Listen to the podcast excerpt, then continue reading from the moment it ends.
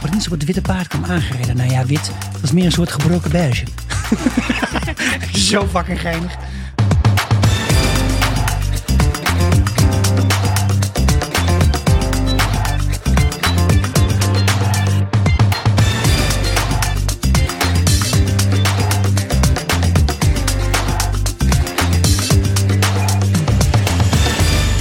Dit is de Vierkante Ogen Show. Jouw wekelijkse fanpodcast over popcultuur. Deze week bespreken we de vijfde aflevering van Undercover Revolution. Want wij zijn fan. Een lie dance is een shine dance. Een patatje samurai en een frikandel. En een oude bekende. Nu gaat het echt los. Ik ben Anna Luna en mijn favoriete saus is mayo. Gewoon mayo. Gewoon klassieke mayo, maar echt lekkere Franse of veganistische vegan. Ik kwam er niet zo goed uit. Oké, maar, maar van die zure mayo dan dus. Ja, een beetje frisse. Lekker. Frisse, oké. Ja. Ik ben Esther. Ik heb het liefst een patatje oorlog met Helmonds mayo. Mm. Ik ben Sikko en ik ben door mijn verblijf in de Verenigde Staten ook wel heel erg fan geworden van ketchup bij de patat. Yeah. Ja. Hmm. Vind ik eigenlijk best wel lekker. I don't like it. Nee, ik vind het ook ja, gewoon te weinig calorieën. Ja. We zijn bij aflevering 5, Revolution. Wat was jouw eerste indruk, Annaluna? Nou, ehm, ik vond het wel echt een goede aflevering. De shit is gewoon, de poep gaat tegen de ventilator. Dat gevoel had ik nou ook. Ja, en tegelijkertijd terwijl echt wel weer, ehm, ja, de, de, hoe noem je dat, de inzet wordt verhoogd. En het wordt allemaal spannender en gevaarlijker en enger. En tegelijkertijd blijft het super grappig. En Ja. is er ook een hele chille balans deze aflevering. Ja, het, over grappig gesproken. Ik was heel blij dat het line er terug is. Ja, dus nog steeds geen echt onderdeel van de western cultuur. Maar nee, dat ja, hebben we geleerd van Lila. het was wel echt heel gezellig. Ehm, ik had een hele interessante ingeving, vond ik zelf. Namelijk dat ik nu eindelijk zag hoe misschien de plotlijn van het voorseizoen en van dit seizoen, en dan heb ik niet over Ferry, maar dan heb ik het over drugs en wapens, hoe die samen kunnen komen. En dat is namelijk Oeh. via Venezuela. Ja. Want daar is dus drugs in handen van het leger. En misschien dat we op die manier wel, omdat mensen toch in Vlaanderen dan in dezelfde eh, regionen bewegen, dat ze daar iets van een soort eh, clash gaan krijgen. dat ik lijkt me wel spannend. Ik vind dit ook een interessante eh, take. Maar ik ben ook heel benieuwd of jullie weten wat patatje samurai is. Heerlijk, ja. Patatje samurai. Je kunt het op sommige plekken in Nederland wel krijgen. Maar het is volgens mij gewoon mayonaise met daar- daardoorheen sriracha of iets in die richting. Dus het is heel pittig. Oh, lekker. Ik vind het echt heel lekker hoor, samurai. Alleen het ding is wel, bijvoorbeeld hier, eh, je kunt hier in Amsterdam bij Flemings heel lekker patat halen. En als je dan dat met samurai bestelt, dan krijg je dus gewoon, de hele patat is doordrenkt van samurai. Want het is vrij, eh, Oh, vrij ja. dun. Ja, en dat is niet zo lekker om een heel patatje samurai te Want dan eten. is Maar- het ook niet meer crispy. dus mijn aanbeveling, en ik heb hier ook goed over nagedacht, is dat als je dat een keer wil proeven, moet je zorgen dat iemand anders samurai saus op zijn patat neemt. Maar dan neem jij gewoon wat jij nou zelf lekker vindt. Want dan kun je een paar ja. patatjes samurai eten. Pro tip. Nou, pro tip. Heel goed. Oké, we gaan door met een, eh, even een waarschuwing vooraf. We gaan het nu dus over de vijfde aflevering van Undercover hebben. Dus we gaan spoileren tot aan aflevering 5. Mocht je dat nog niet hebben gekeken, nu even pauze zetten. Kijk je lekker eventjes op je eigen tijd. En kom je hier weer terug. Wat was de grootste verrassing? Ehm, ja, ik vond wel ehm, de reactie van Bob op wat Polly hem vertelde over, eh, over de, de, boodschap van, eh, van Ferry. Mhm. Ehm, vond ik wel een verrassing. Ik dacht, oké, nu komt het uit wat er allemaal is gebeurd Ja, na de vorige aflevering. Eh, maar ze vertelt het hem wel. Maar dan zegt Bob, ja, maar eh, dan gaan we tegen niemand zeggen. Hè? nee. En Bob. zegt hij dat niet in de auto? Nee. Nee, volgens mij Tegen niet. haar, ze gaat, zegt dat tegen, tegen haar. In de auto zegt hij van, eh, je moet, je nee, wordt straks... bij hun thuis. Oké, oké, het is dan naast de auto. Maar we hebben ook gezien dat dat afluisterapparaatje ook dingen naast de auto kan horen. Dus hier zit ook wel weer een enorm risico eh Ja, het is natuurlijk wel de vraag een beetje hoeveel dat apparaatje dan oppikt. Hè? Je weet Ja. niet of ze net op dat moment het allerbeste model hadden liggen en weet ik veel wat. Ehm, maar goed, ja, het zou kunnen dat er iets wordt opgevangen. Ik denk dat de eh, dreiging hier niet zozeer komt van dus de, de, de, de broers Laurent. eh, Berger. broers Berger, inderdaad. Maar dat het gewoon meer van de politie komt. Ja, het is niet, eh, niet een handige situatie waar Bob zichzelf in Nee, heeft Bob wordt gewoon keihard eh, bedreigd en gemanipuleerd, geblackmailed. Dit is eh, Ah. ongeveer de slechtste plek waar je kunt zitten, denk ik, eh, op het spectrum. Eigenlijk Ja. waren denk ik al onze grootste verrassingen wel over Bob, toch? Want Ja. ik bedoel, we hebben het wel eerder gezegd, het gaat niet zo lekker met Bob en zijn eh, eh, beslissingen hier. Maar ja, goed, hij is ook eh, bedreigd door Ferry. En hij gaat hem vervolgens opzoeken aan het einde van de eh, aflevering. Dat vond ik ook wel echt een... eh, Ja. Dat was een goede verrassing. Want het is ook precies zo gefilmd dat je heel lang niet weet wie er nou tegenover Ferry zit. En dan, tada, het is Bob. Het- Ja. En nog een verrassing vond ik dat we een, eh, een oude vriend terugzien. ja. Ook leuk. Dat is Ja. leuk. Enrico, Carlos, hoe die ook heet. Eh, ja, dat, dat vond ik wel een leuke. Zeker. Nou, laten we ook maar eventjes iedereen weer langslopen. En dan beginnen we bij Bob. Ja, want Bob heeft eh, dus een, een bepa- bepaald slechte week. En dan vraagt Polly, zijn eigen dochter, om te liegen tegen Mark. Dat is die kale meneer van de politie. Over wat er nou precies is gebeurd. Zij mag niet vertellen dat er een telefoon in het spel is met een opname. Ze moet eigenlijk alleen zeggen groeten van Ferry. Ik, vond, ik kreeg zulke slechte vibes van Bob deze week. Ik vond het heel naar dat hij en haar nog gaat vragen om te liegen. Ehm, en dan ook komt binnenwalsen als ze voor de tweede keer wordt overhoord. Dat hij eigenlijk heel bedreigend overkomt. Zij wil ook helemaal niet liegen. En hij manipuleert er echt. Zo van, je bent de enige aan wie ik dit verteld heb. Hij noemt er ook op een gegeven moment, eh, noemt hij er zus weer. En dat deed hij in het vorige seizoen ook. Als hij dan, ehm, toen hij gescheiden was net van zijn vrouw.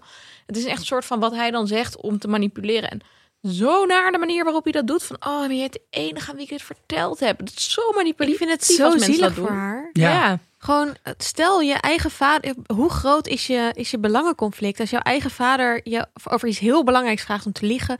Maar het- je staat zelf heel erg onder druk. De politie ondervraagt je. Hij, zeg maar, zijn shit. Hij heeft zichzelf echt in de shit gewerkt. Hij maakt het steeds erger voor zichzelf. En dat laat hij oplossen. Maar wat ik echt zo vet vond, je ziet ze- dat die spanning in haar, die we moet alle, die kan dat lichaam bijna niet uit. En je ziet die spieren in die nek helemaal opstaan en die hand die trekt ze weg. En ze is helemaal fucking tens en gespannen. En da- daardoor vond ik het zelf ook heel erg spannend. Van shit, gaat ze nou breken of niet? Ik vond er echt ineens heel erg zielig. Ja, Ja.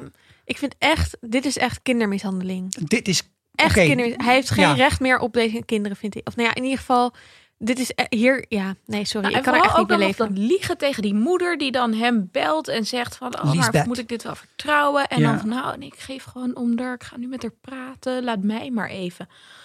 Oh, Ja. En zij, Bob. en Polly voelt zich dan ook heel erg schuldig. En ik vind het dan toch een interessante respons die er eh, uiteindelijk ontstaat. Zij zegt van ja, eh, ik wil het wel geheim houden voor je, maar dan moet je me de waarheid vertellen.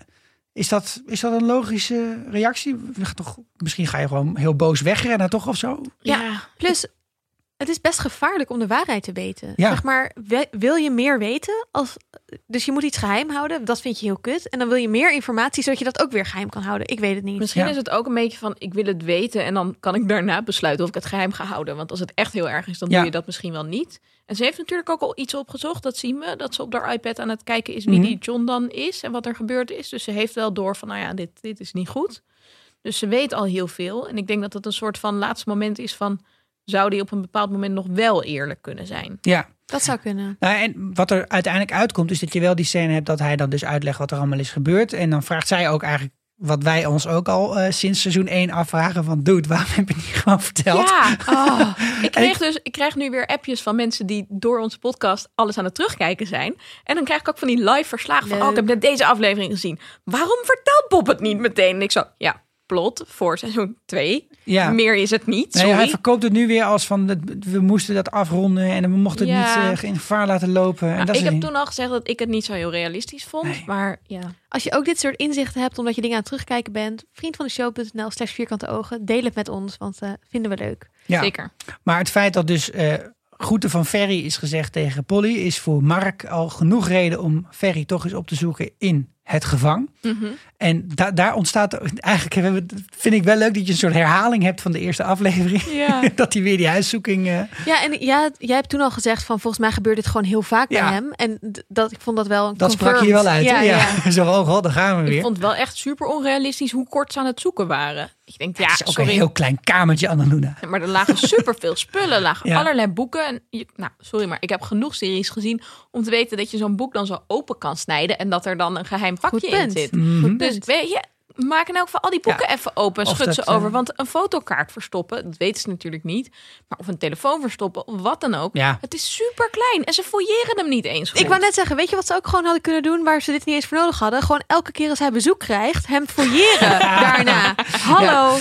Ik heb alleen wel even Ja. iets over eh, zeg maar het, het, het Belgische gevangeniswezen eh, bij deze. Wij zeggen de hele tijd van, nou, dit is toch niet reëel of dit, gaat toch niet gebeuren of et cetera. Maar ja, ik zie echt alleen maar als ik berichtgeving over gevangenissen in België zie, zie ik altijd alleen maar dat het gewoon heel erg kut is daar. Dat het gewoon heel slecht geregeld is. En misschien is dat is wat ze hier laten zien, misschien dus ook wel heel erg realistisch. Oké. Dat het, dat het dus helemaal niet zo ingewikkeld is. Dus er ontsnappen ook best wel eens wat mensen uit de gevangenis daar. niet per se een, een, een dis naar België. hè? Want ook in Nederland heeft Willem Holleder vanuit de cel echt van alles nog kunnen Ja, doen. ja. Dus het is echt niet zo dat die dingen waterdicht zijn. Oké, maar mijn rants gaan dan niet per se. Zeg maar, ik vind het nog veel erger. Dat heb ik volgens mij ook vaak bijgezet. Als het wel realistisch is. Dus mijn rants gaan niet per se over dat zij niet goed het, het Ja, ja. Belgische gevangeniswezen zouden laten Ja. zien. Nee. Hoezo werkt de politie zo in godsnaam? Ja, maar blijkbaar is er ook iets gaande tussen Ferry en de bewaker. Ja, Want hij zegt zo, gezien. Nee, maar dat Nee. zegt hij omdat hij in een rechtszaak wil hij bewijzen dat hij een beuk heeft gekregen Ja. van. Dus gezien is, kijk, jij bent hier de autoriteit. Jij bent straks mijn getuige. En hij zegt, ja, eh, gaan we weer naar binnen hoor. gaan we weer naar binnen. Ja. En dat is natuurlijk ook wel eh, de, enige, de enige poot die Ferry heeft om op te staan. Want anders is het zijn woord tegen het woord van een politieagent. Ja, wie gaan ze geloven? Ja, nee, Dus ik dat is wel eens als, spannend. toen ik op een middelbare school werkte, dat dan leerlingen met elkaar gingen klooien en de een elkaar echt heel erg uitdagen. En dan had je er altijd eentje bij zo, die dan bij jou steun kwam zoeken. En dan wilde je ook echt niet laten merken van dat je ze steunde, want ze waren allebei natuurlijk aan het fokken. Ja, Dat, vond ik de houding van deze agent, vond ik leuk. Ik Ja, geen ja. partij. Ja, ja. Ja, ja, maar dat deed me ook omdat hij in aflevering 3 als Ferry die tafel omver gooit. Hij is ook net zo'n leerling die precies weet hoe ver die kan gaan en dan meteen weer Ja, rustig is. ja, Ik vond- ja, het is heel grappig. Het Dat heeft is echt die dynamiek. een goede vergelijking. Dat je precies zo weet waar het randje zit. Van, Hier mag ik niet overheen. Eh, ik ben rustig. Dit is de grens. Ja. Ja, Eh, ik vond trouwens dat Mark wel... Ik vond het vrij onprofessioneel van hem. Dat hij die Ferry en... eh, Ja. Hij laat zich gewoon zo in de, uitlokken door Ferry. Is gewoon echt heel dom. En dat is dus allemaal omdat die kinderen van eh, Bob dus bedreigd worden. Of dat, ja. I don't Ja. know. Ze, gaan, persoonlijk. ze doen wel eindelijk iets slims, wat ze al veel eerder hadden kunnen doen. Maar hm. Eh, namelijk kijken wie heeft eigenlijk heel vaak. Wie waren de bezoekers van Ferry? Ja. Hey, Ja. een random naam Goh. ertussen. Oh, als hij iets naar buiten heeft gesmokkeld, dan zou dat misschien wel zo kunnen zijn dat dat bij deze persoon was. Laten die we drie keer is langsgekomen in de afgelopen tijd. Ja. Ja. En gewoon zijn eigen naam heeft gebruikt. Dat, dat gaat ook. Dat gaat dat er bij moet mij echt waarschijnlijk in. wel, hè? Tenzij ja, je komt Fake natuurlijk ID's. makkelijk aan fake ID. Ja, Ja, goed, hij, sorry. dat is toch waar hij in handelt? Dat is toch Henk Oké. Zwaapse business? Ja. Sp- eh, spionageapparatuur. En, eh, Techniekdingetjes, dat is waar.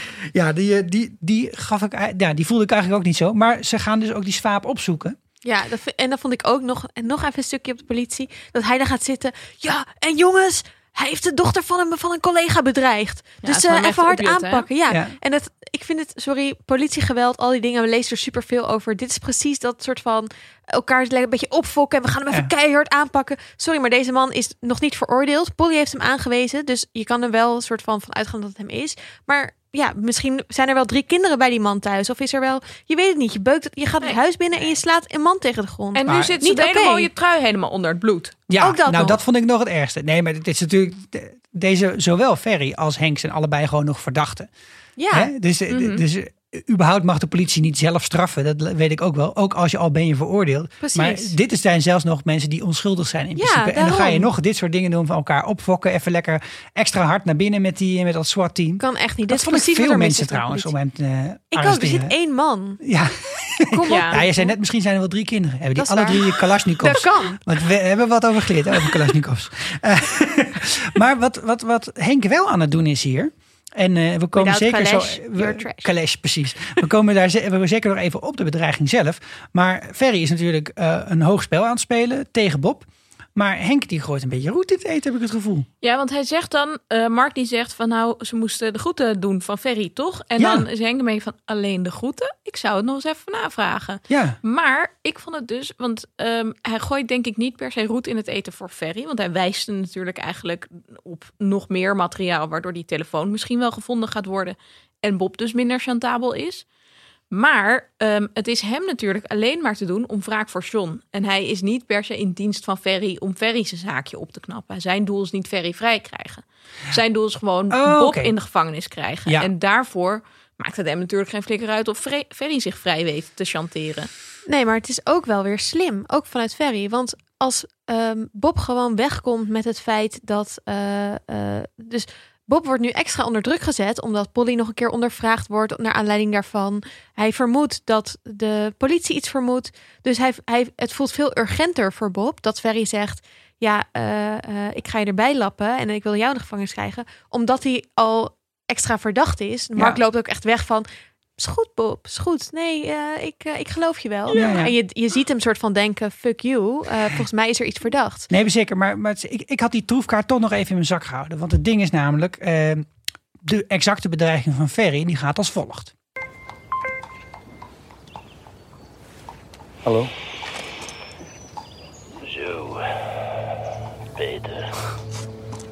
Als je hier een poort uitstikt, maak van mijn maat maak ik kapot. Rustig, jongen. Rustig. Als ik iemand kwaad wilde doen, was het al lang gebeurd. Wat wilde? Nee, man, dat je ondertussen de opnames hebt gehoord. Dat je goed hebt geluisterd. Het enige wat ik hoorde is wat gemompel van een John. Hé, wat denkt je dat je het? Het is niks, jongen. Al zeker niks dat iets waard is in de rechtbank. Het gaat er niet om wat waard is in een rechtbank. Het gaat erom wat waard is voor jou. Voor jouw bazen. Een undercover agent die mensen vermoordt. Als hij uitkomt, moet de koppen rollen. Er is maar één plek waar hij eindigt voor jou, Peter. Dat is in de bak. Tussen iedereen die je daar hebt opgesloten. Tenzij... Wat? Tenzij... jij ervoor zorgt dat ik vrijkom. Fuck off. Dus kortom, Ferry, wil dat Bob ervoor zorgt dat hij vrijkomt. Maar dat gaat Bob niet regelen voor Ferry als Bob zelf onderdeel wordt van een lopende zaak waar eventuele moord aan, aan de hand is, toch? Dan, dan, dan zijn al zijn troefkaarten van Bob zijn weg. Ja, dat is waar. Um, tenzij die er natuurlijk een beetje op rekent dat die Mark ook zo betrokken is dat hij niet wil dat al die undercovers in discrediet gebracht worden. Ja, ja, maar goed, je- er ja. zit inderdaad een soort van Of- spanning op de, op de lijn. Kijk, het kan ook dat op een gegeven moment Ferry zegt... Dus dat Bob helemaal in de shit zit, want ze komen erachter, de politie. En dat Ferry zegt... Ik kan wel getuigen dat John tegen mij heeft gezegd dat... of dat ik iets heb gezien, of ik kan wel voor jou regelen dat... Dus dat, dat hij op die manier, dat Ferry juist degene kan, de enige kan worden die Bob kan vrijpleiten. Oh, dat zou een fantastische Hmm. afhankelijkheidspositie zijn. Ja. Oh, wat goed. Ja, dat, dat, die zie ik eigenlijk wel zitten. Dat, eh, En hem dan daarna alsnog overhoop knallen. Dat, eh, Ja, dan kan hij het zelf doen. Ja. Nou, weet je, wat, wat, wat wel heel eh, typisch is aan Ferry, is dat hij van, van heel veel hè, van de nood een deugd weet te maken. Dus hij is wel, wel in staat om heel snel na op. te denken en is heel goed in improviseren. Dus misschien dat dit wel op die manier kan werken. Maar het is wel echt hoogspel en heel gevaarlijk spel. Ja. Wat ik me ook afvroeg, even een van jullie misschien een idee over, maar hoe zou Bob dan Ferry vrij kunnen ja, misschien door in een getuigenis iets heel raars te zeggen, waardoor er bijvoorbeeld een vormfout of zo Ontstaat. Of waardoor er Hmm. dus eh, gezegd kan worden: dit is een vormfout of dit was uitlokking. Ehm, Ja. Zoiets. Ik heb een theorie. Oh, Oké. Dus stel er zit echt een soort connectie tussen deze twee zaken. Dan zou Bob kunnen voorstellen dat Ferry iets doet wat JP en Laurent ehm soort van erbij lapt Mhm. en dat Ferry daardoor vrijkomt. Dus soort van een uitruil gaat maken van door hem een rol te geven in deze zaak en hem misschien ook een risico te laten lopen, dat hij dan daarmee hem vrij kan krijgen. ja, dus Hmm. een- twee ruilen tegen één. Basically, ja. Ja, oké, op die manier. Ja, en aan de andere kant, Bob heeft wel een grotere hekel aan Laurent en JP, want ze hebben Kim doodgeknald. En ik bedoel, dat, dat heeft Ferry nooit gedaan. Precies. Zeker. Maar ja, Ferry wilde die ook wel graag pakken. Ik vind het wel Hmm. grappig trouwens, want ik heb het gevoel, dus het eindigt dan, hè, hebben we al even over gehad, dat, dat zij tegenover elkaar zitten. Ik heb eigenlijk het gevoel dat ehm, eh, Bob en, en Ferry het best goed met elkaar konden vinden. Ja. Zeg Ja. maar, in seizoen 1 hebben zij gewoon wel een beetje die, die same level, een beetje die, die rauwigheid en een beetje, ze zijn best wel aan elkaar gewaagd.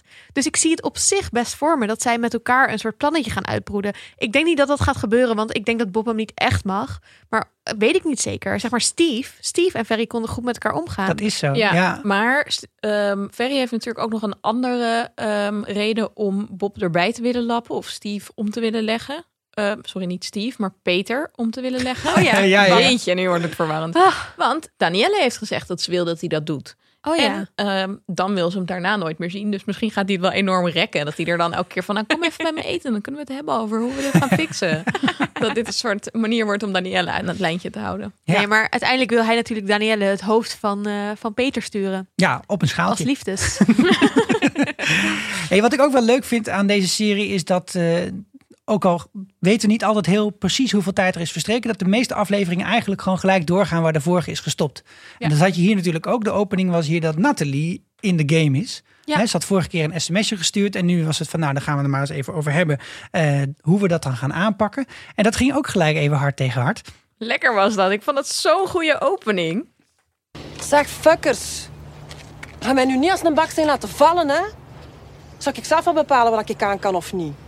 Ik wil Laurent op die veiling krijgen en wel, het is mij gelukt. Hij had een ding kunnen doen. Hoe dat ik nu met hem omga... Maar ja, ik zal het zelf wel regelen. Dat is mijn zaak. Maar wij hadden een afspraak. Ik hou mij aan mijn deel. Ik verwacht van jullie exact hetzelfde, ja? Ja, het was gewoon heel mooi dat zij, eh, zij komt daar en, en ze zeggen een beetje van ja, maar wij, we zijn toch weer aan het twijfelen. En, Ja. dat- en dan echt zo'n vrouw die van, nou, en nou hou jullie op, we gaan het gewoon even op mijn manier doen. en eh stel je niet zo aan, jongens. Ja. Ik vond het echt heel chill, Ja, het deze vakje actie. van geschikt is alweer wat voller. Het was eh, net zoals bij die sollicitatie. Dat ze echt nog even zich omdraait en soort van... Nee, ik hoor hier wel. Ja, maar het was ook een beetje zoals Kim in het vorige Oh, seizoen ja. steeds was. Dat die mannen dan weer een beetje zaten van, oh, we weten het allemaal niet meer. Dan kwam Kim met een vet goed idee. Die ging gewoon even huilen aan de telefoon dat ze misschien zwanger was. Of Ja, Ja. ik heb het al een paar keer gezegd, maar de vrouwen in deze serie zijn gewoon echt veel slimmer dan de mannen. echt aan. Maar ik denk dat ze trouwens dat deze serie niet de Bechdel-test.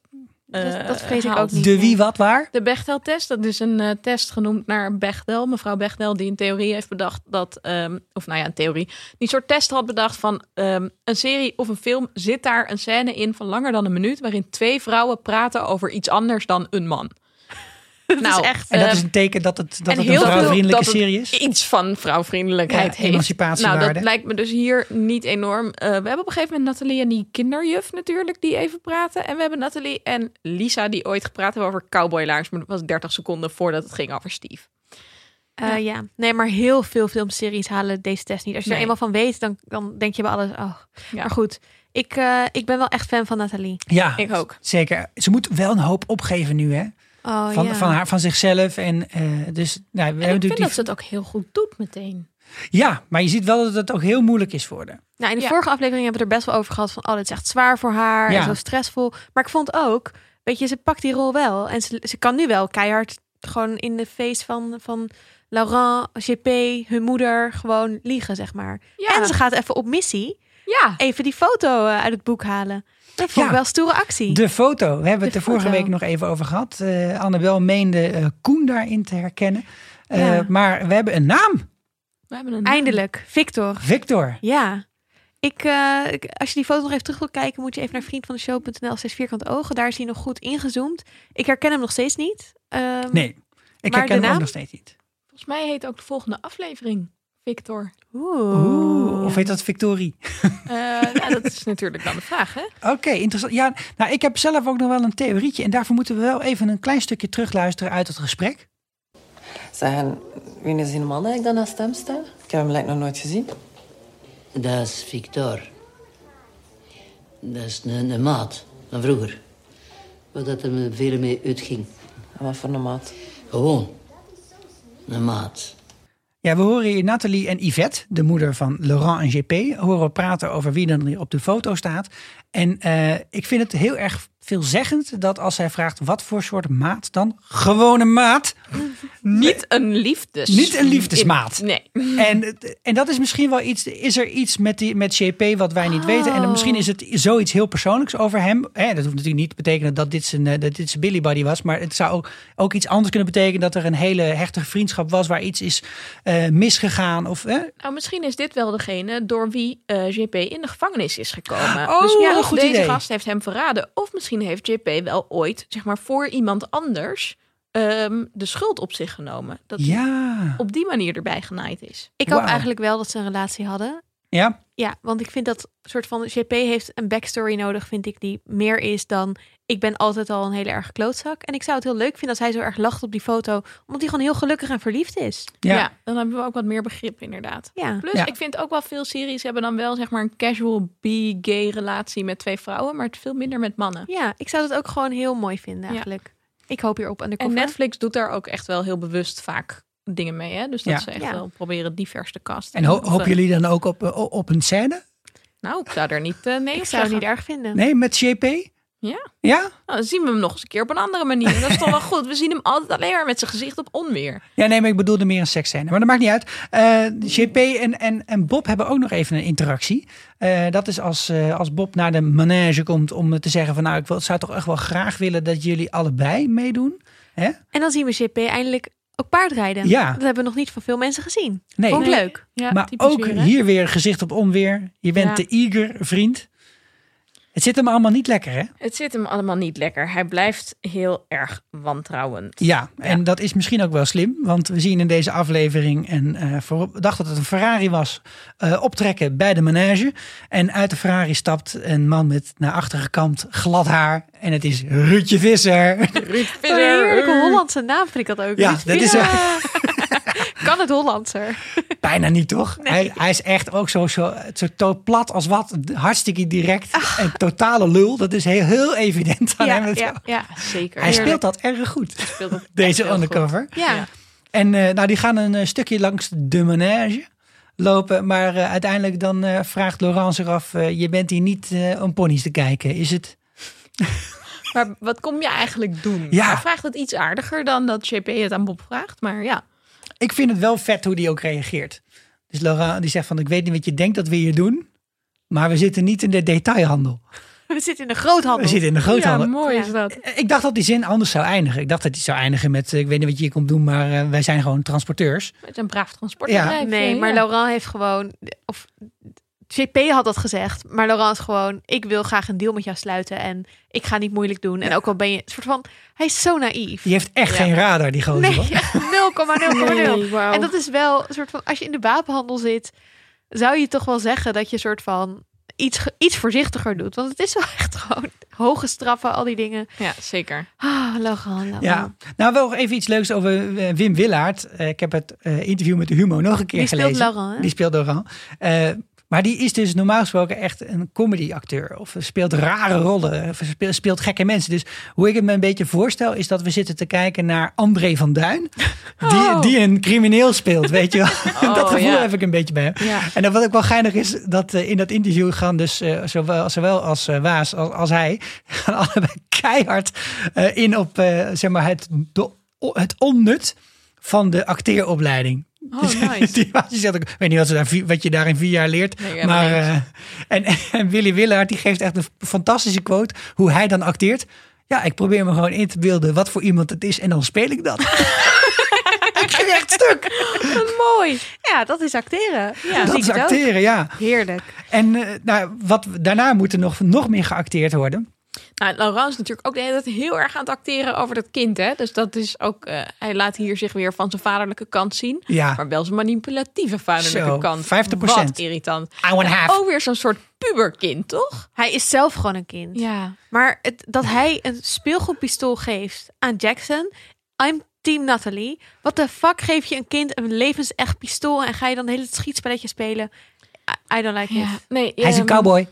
Hij is een cowboy. Hij is een cowboy. Ja, nou en? Nee, maar zijn we hier ook al van Er de zijn- klappertjespistolen maffia? Mag dat ook al niet meer? Ik er zijn niet- kinderen Godzee, door Jezus. politieagenten neergeschoten. Omdat Precies. de agenten dachten dat het dan een echt wapen was. Dat gebeurt wel alleen maar met zwarte kinderen. Want zo is dat in Amerika. Maar, niet... Ja, maar heb het over, dat niet over Nederland of over België? Nee, maar ik vind nog steeds dat als Nathalie zegt geen pistolen hier in huis, dat Jack of dat eh, Laurent dan gewoon moet respecteren. Ik ben Ik echt heel benieuwd hoe ik deze discussie ga doen later. heel erg raar dat Jackson gewoon even naar achter loopt en dat hij dan zegt van ik wil dat hij weet wie zijn echte vader is of zo. En dan van ja, daar hebben we het toch over gehad, maar dat kind dat kan toch net zo goed om de hoek staan te luisteren. Ja, maar die kinderen die begrijpen niks, jongen. Die, die, die denken dat Sinterklaas nog bestaat. Ik wil trouwens niet te veel kindshamen, want het is niet zo aardig. Maar ik vind dat Jackson Oh zo slecht god, wat acteert. slecht. Jemig. En in de vorige aflevering hadden ze hem gelukkig heel weinig tekst gegeven. Ja. Dus zo zijn redding. Maar god, nee. Ah. Ik, ik had dat helaas ook opgeschreven in mijn persoonlijke notities. Ik was een nieuwe of ik was opnieuw de eerste aflevering van Modern Family aan het kijken laatst. En dan zit dus ook Luke bijvoorbeeld in. Die is Mhm. dan nog super jong. Die acteert zo goed. Het kan wel. Het kan wel. En er lopen echt wel genoeg blonde kindjes rond in België hoor. Ja, je kan er echt wel eentje vinden. Ik Nee, ben echt sorry. geen fan van Jackson. Oh shit, Ah, we krijgen waarschijnlijk hier gezeik mee. Ja, we gaan hier ik ook. gezeik mee Mensen krijgen. vinden ons nu niet aardig. Oké, nou, Sorry mensen. knipper maar dan. Eh, nee, waar ik eigenlijk heen wilde met acteren was natuurlijk onze grote onderhandelingsscène. Oh, ah, in het restaurant. In het restaurant. Niet coronaproof overigens. Nee. Maar Ik, Ik- vond het heel leuk, deze Ik vond scène. ook. Dit was een oude bekende. Hoogtepuntje. Eh, m- we kenden hem nog als eh, de Franse eh, legionair, maar zijn echte naam is volgens mij Carlos. En hij speelt hier Enrico. Hij is weer lekker verkleed. Met Hij zo'n... een- Wat heeft hij aan? De, de, de, hoe heet het ook weer? Een beetje de weed eh, stoner look was het. Ja, precies. Met zo'n met zo'n rare poncho op. En zo chill hoe je dan binnenkomt. Eerst van, oh, het is zo donker hier. En dan heb je zelf een zonnebril op. Dat je denkt, nou, misschien heeft dat er iets mee te maken. En dan zegt iemand, oh, Enrico. En dan zegt hij, ah, Rico suave, ja tu sabes. Het is zo chille bijnaam dat je jezelf gewoon suave Rico noemt. Je weet zelf. Ja, ja samen betekent weet zelf. Ja, je weet Ik vond zijn pijpopmerking toch. Je weet heel leuk. Wat vond je leuk? De pijpopmerking. Ja, ja Oh, heel hier leuk. hebben we even een eh, explainertje bij nodig. Dus ik, ik weet dat het een beller is met Griet, maar da- dan houdt het en dat er een schilderij is met een pijp. Nou, laten we eerst even een fragmentje luisteren. Oké.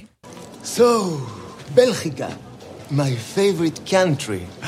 And that painter, Magritte. That's a crazy guy, right?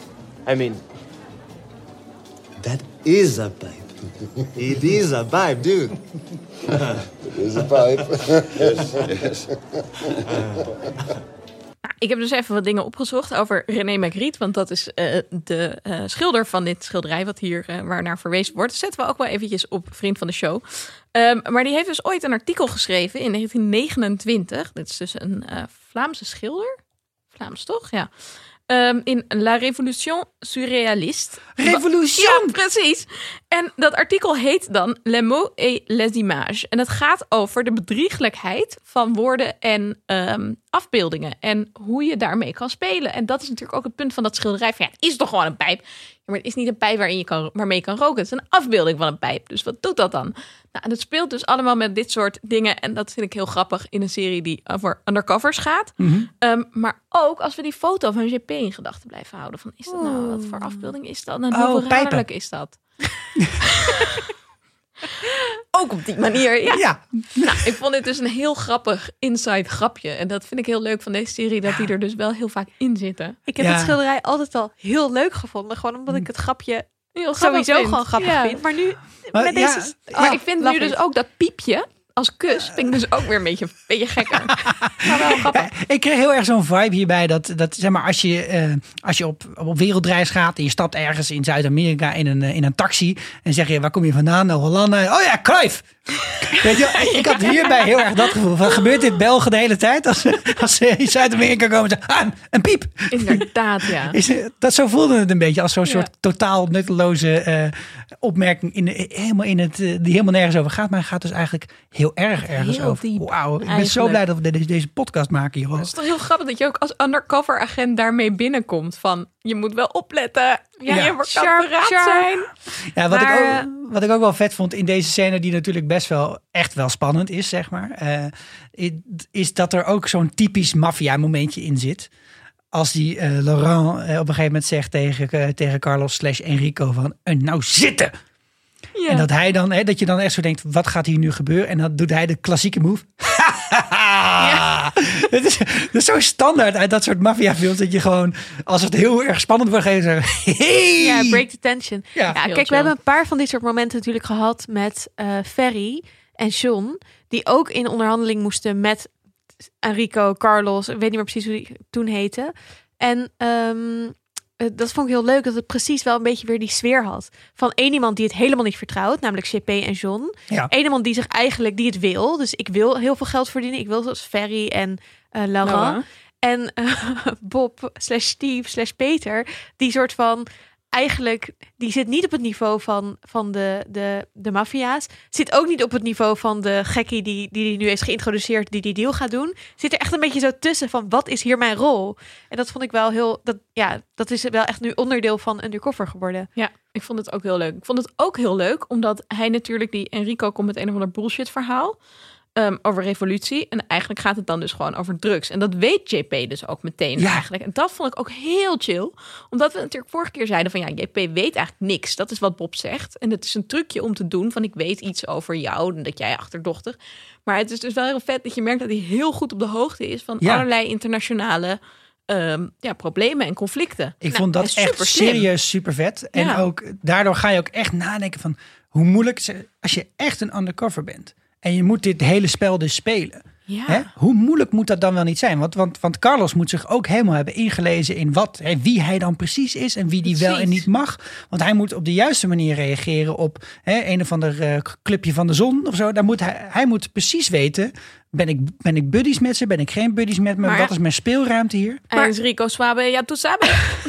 Maar ik denk niet dat JP dit gewoon wist. Ik denk dat JP iemand is die, als hij hoort, we hebben een meeting met Venezuela, Ven, nee, Venezolanen. Venezolanen, om het over wapenhandel te hebben, dat hij alles gaat uitzoeken over Ja. hoe wapenhandel werkt daar. En dat hij dus heel goed voorbereid naar die meeting komt. Het tegenovergestelde van Laurent, Ja. die Ja. nul onderzoek doet. Gewoon denkt, hé, hey, aardige kerel. Oh, wil je wapens? Hier, like sure. a Nog child. 5000 JP euro wil niet. cash voor me of zo?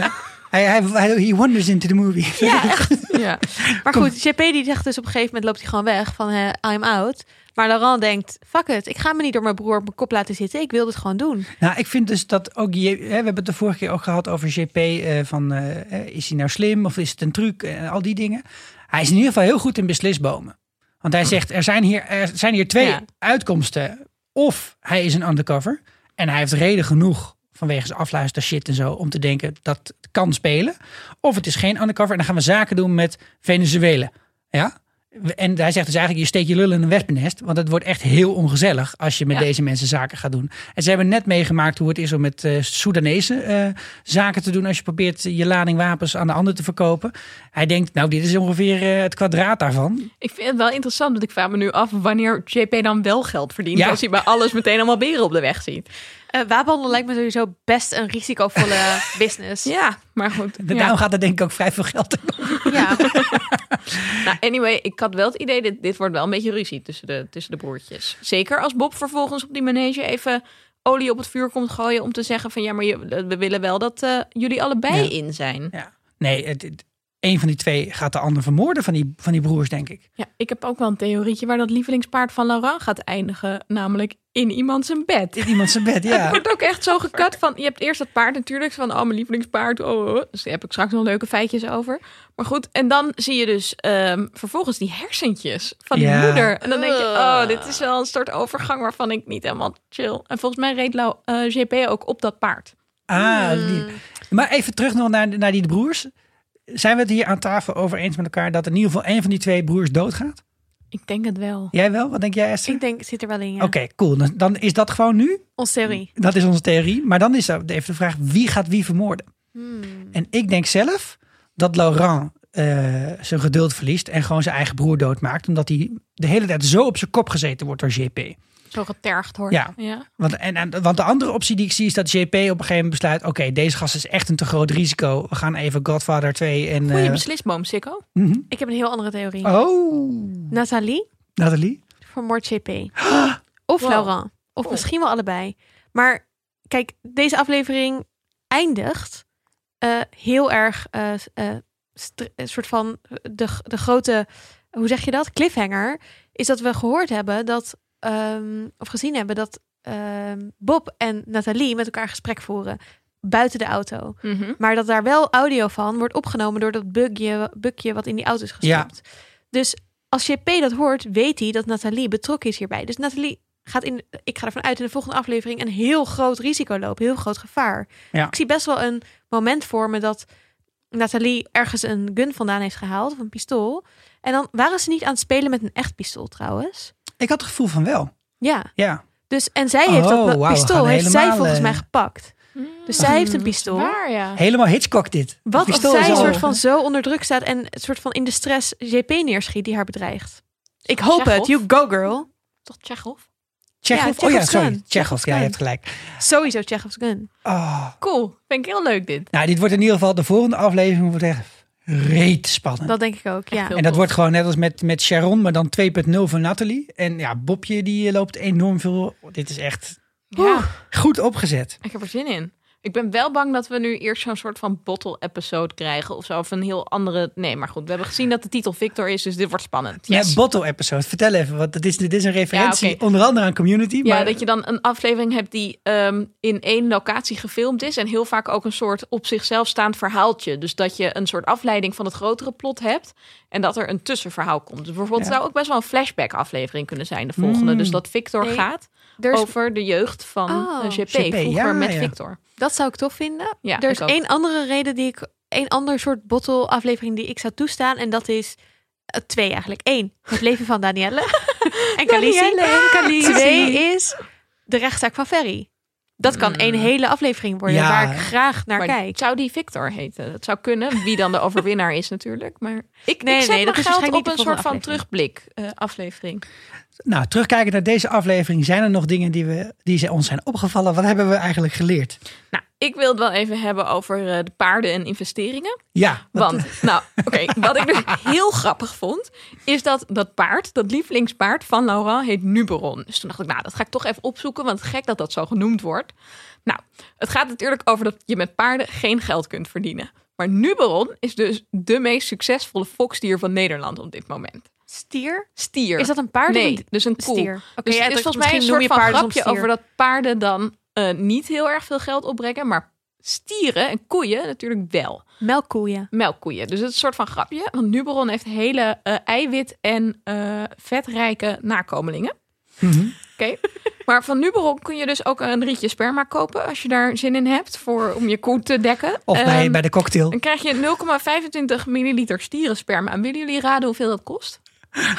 Eén zo'n buisje of wat het per liter kost? Nee, het buisje. ja.